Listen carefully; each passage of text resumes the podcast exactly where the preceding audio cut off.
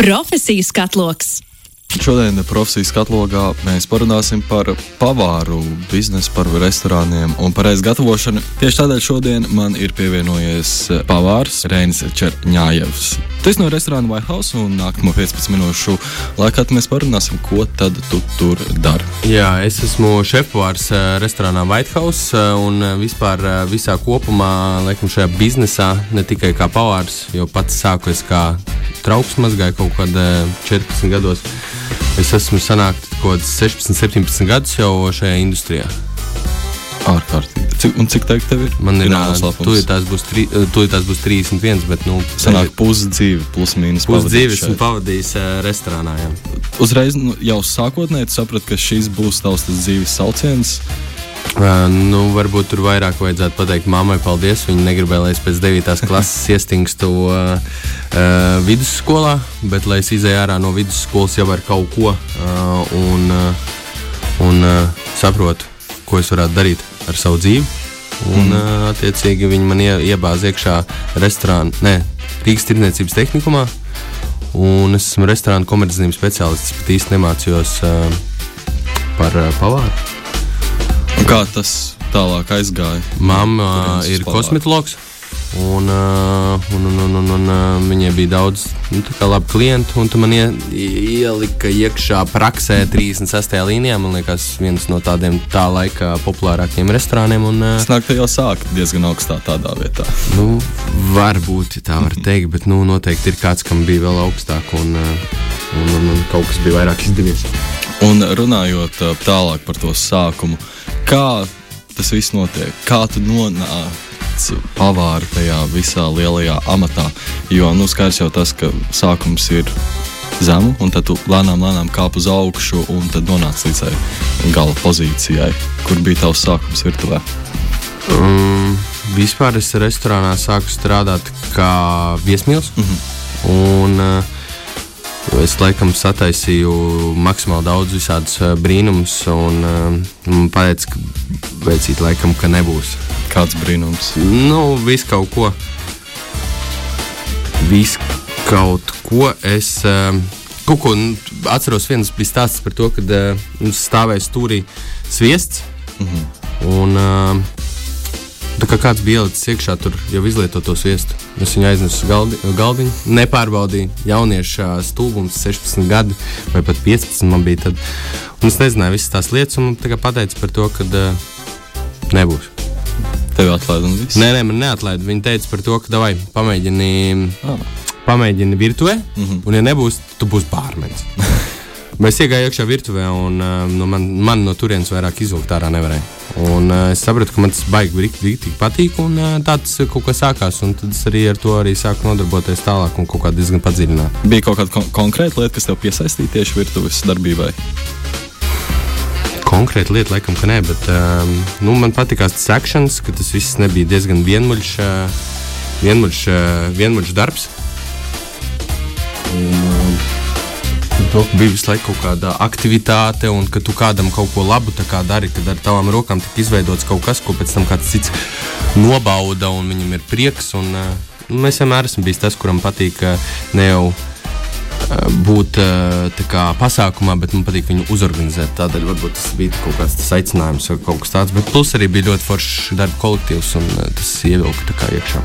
Es domāju, ka mm, gan jau cilvēkiem ir priekšstats, ka izdzird vārdu pavārs, ok, tad tā ir sēdienu.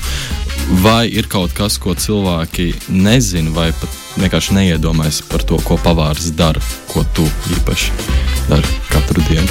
Nu, mums ir diezgan liela gradācija mm. par to, ka eh, tas tāpat kā armijā, es varētu teikt par to, ka ir tur kāds, kas kaut ko dara. Tu, tur mums ir, pieņemsim, palīgi pavārs, kurš nodarbojas tikai ar uh, kaut kādu elementāru darbu, Tur sīpols notīra burkānus, tur zaļumus apskata, lai viņi vienmēr ir svaigi. Tad jau tālāk ir pavārs uz līnijas, kurš nodarbojas tikai ar gatavošanu, pasūtījumu, atdošanu un tādas lietas. Tad ir sūšefs, kurš vecākais pavārs Latvijas, varētu to teikt, kurš ir atbildīgais virtuvē, kad nav šefpavārs. Viņš tur skatās datumus, derīguma termiņus, vai tā ēdienu kvalitāte ir tāda tīrība.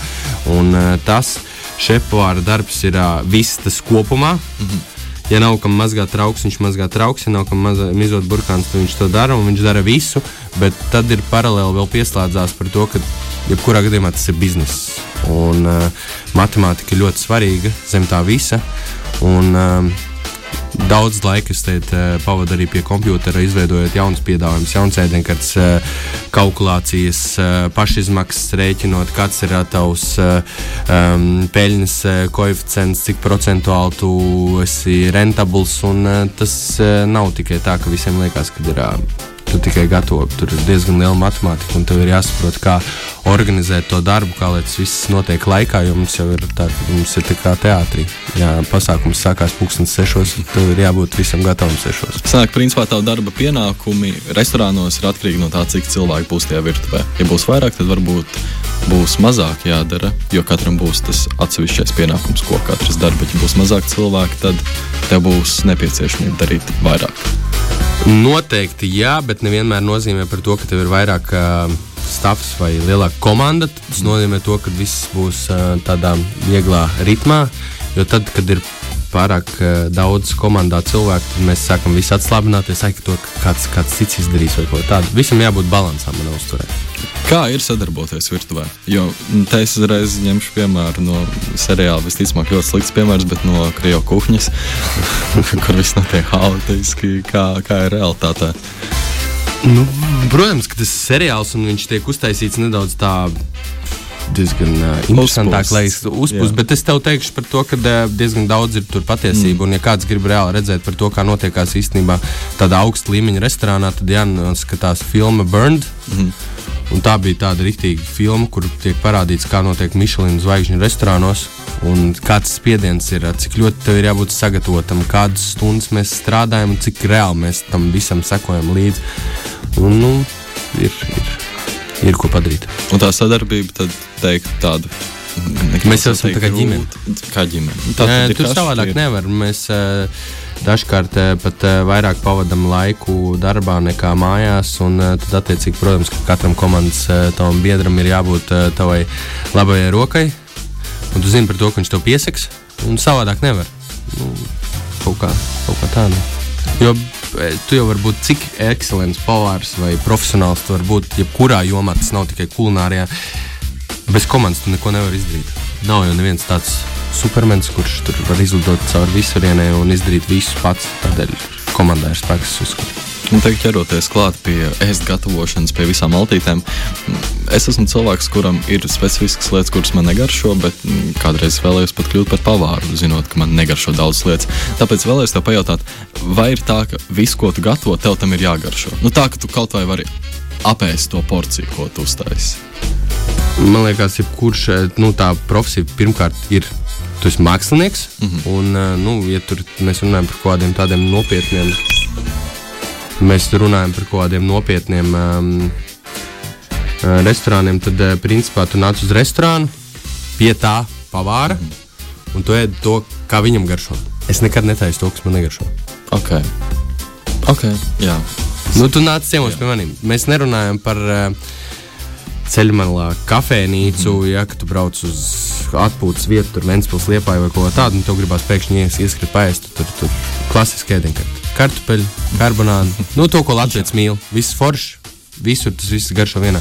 Ja mēs runājam par kaut kādiem nopietnākiem restorāniem, tad tu jau tur nāc baudīt, nogaršot kaut kādus citus produktus, ko tu neesi nekad ēdis, kombinācijās, te, te, un tad tu nāc pie tās komandas eh, darba, kā viņi redz to lietu sanāk, tad tu taisi tādus savus ēdienus, kurus tu māki taisīt, vai sanāk kaut kad nu, tā? Ne, mēs vienmēr eksperimentējam un uh, mēs taisām vienmēr kaut ko jaunu, jo Latvijā es uzskatu, ir uh, diezgan augsts līmenis tajā visā pasākumā. Mēs esam maziņi, tad ir daudz kā, potenciāli labi pavāri un tā konkurence ir. Mēs draudzējamies savā starpā, bet nu, vienmēr ir tā ambīcija tā parādīt kaut ko, ko tu vari labāk. Un, eh, nu, mēs mēģinām arī iziet ārā no tās zonas eh, par to, ka ir tie klasiskie ēdieni, kā pieņemsim, atvainojos visiem, kas klausās. Cēzara salāts ir super, bet, eh, bet tas ir nu, tā, ka var arī kaut ko citu uztaisīt. Un nav tikai tas, ir jāiegādājas vai jābauda restorānā. Tu atnāc uz restorānu, baudi kaut ko citu, pamēģini. Mums kā komandai būs prieks kaut ko jaunu iedot, un arī nu, cilvēki attīstīsies un sapratīs, tā kultūra, restorāna augs. Vai ir kaut kādas modes tendences? Skaidrs, ka ir sezonāla ēdiena, bet vai ir kaut kādas tādas modes lietas, kaut kāda trendēs gatavošanā, kuriem sanāk pieķerties klāt? Es laikam nebūšu šis pareizais um, pavārs, kurš tur uh, seko tur uh, sezonām, un vispār es ļoti zinu, ka Latvijā ir daudz visu cieņu tiem pavāriem, kur tur seko par to, ka tur ir Uh, ir sezona tam un tam. Protams, ka es arī, ja ir sezonāli, tur teicu, sēnes, man viņas būs ēdienkartē. Ziemā es spārģeļus neizmantoju, es viņas izmantoju tad, kad viņiem ir sezona. Bet es pārsvarā diezgan daudz lietoju to, kas man patīkās, kas man iešaujās prātā. To es arī lietoju. Bet tam ir jābūt labā kvalitātē, attiecīgi.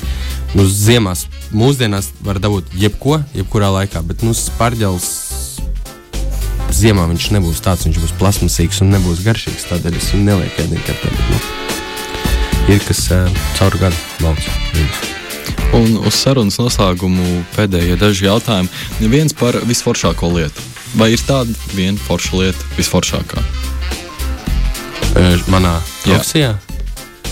Visforšākā lieta. Mm -hmm. Visforšākā lieta, laikam, ir nu, nezinu, tā bauda par to, kad, ko tu esi izdarījis dienas beigās. Un, tu esi kaut ko paveicis labu, kādam ir kaut kas garšojis, kāds ir atsūtījis atpakaļ komplimentu nodevis komandas biedram viesmīlim par to, ka jā, bija forši. Tas, tas gandarījums par to, ka tu esi paveicis savu darbu labi. Un pretstatam visizaicinošākais vai tāds nefēnākais? Vai visforšākais? Es domāju, ka um, nu, bija Covid. Mm -hmm. Un visi saprata no restorāna biznesa, cik forši īstenībā ir mājās būt. Tāpēc, ka mūsu tā profesija atšķirās ar to, ka mums ir ļoti garas darba stundas. Visi, kad jauno gadu svin, mēs viņu taisām. Mm. Un ir ļoti daudz visādas kā, svētki, garas stundas. Un, un Covidā mēs visi izbaudījām wow, tas var būt mājās. Un tas varētu būt viens uh, no kā, mīnusiem šai profesijai, par to, ka tev ir daudz jāpavada laika, tāpēc ka tu nevari paspēt visas tās lietas, ko tev vajag izdarīt tajā īsajā darba laikā. Bet uh, jāmāk vienkārši pielāgoties. Var kaut kas, ko jūs iemācījāties pandēmijas laikā? À, organizēt uh, darbu vairāk. Nu, samanģēt to, lai tev paliek vairāk tā brīvā laika, jo daudz jauniešu, kas nāk, viņi mainās. Un, eh, ja es kādreiz savos jaunības gados varēju strādāt, man liekas, man rekords bija 21 dienu no vietas un pa 15, 16 stundām.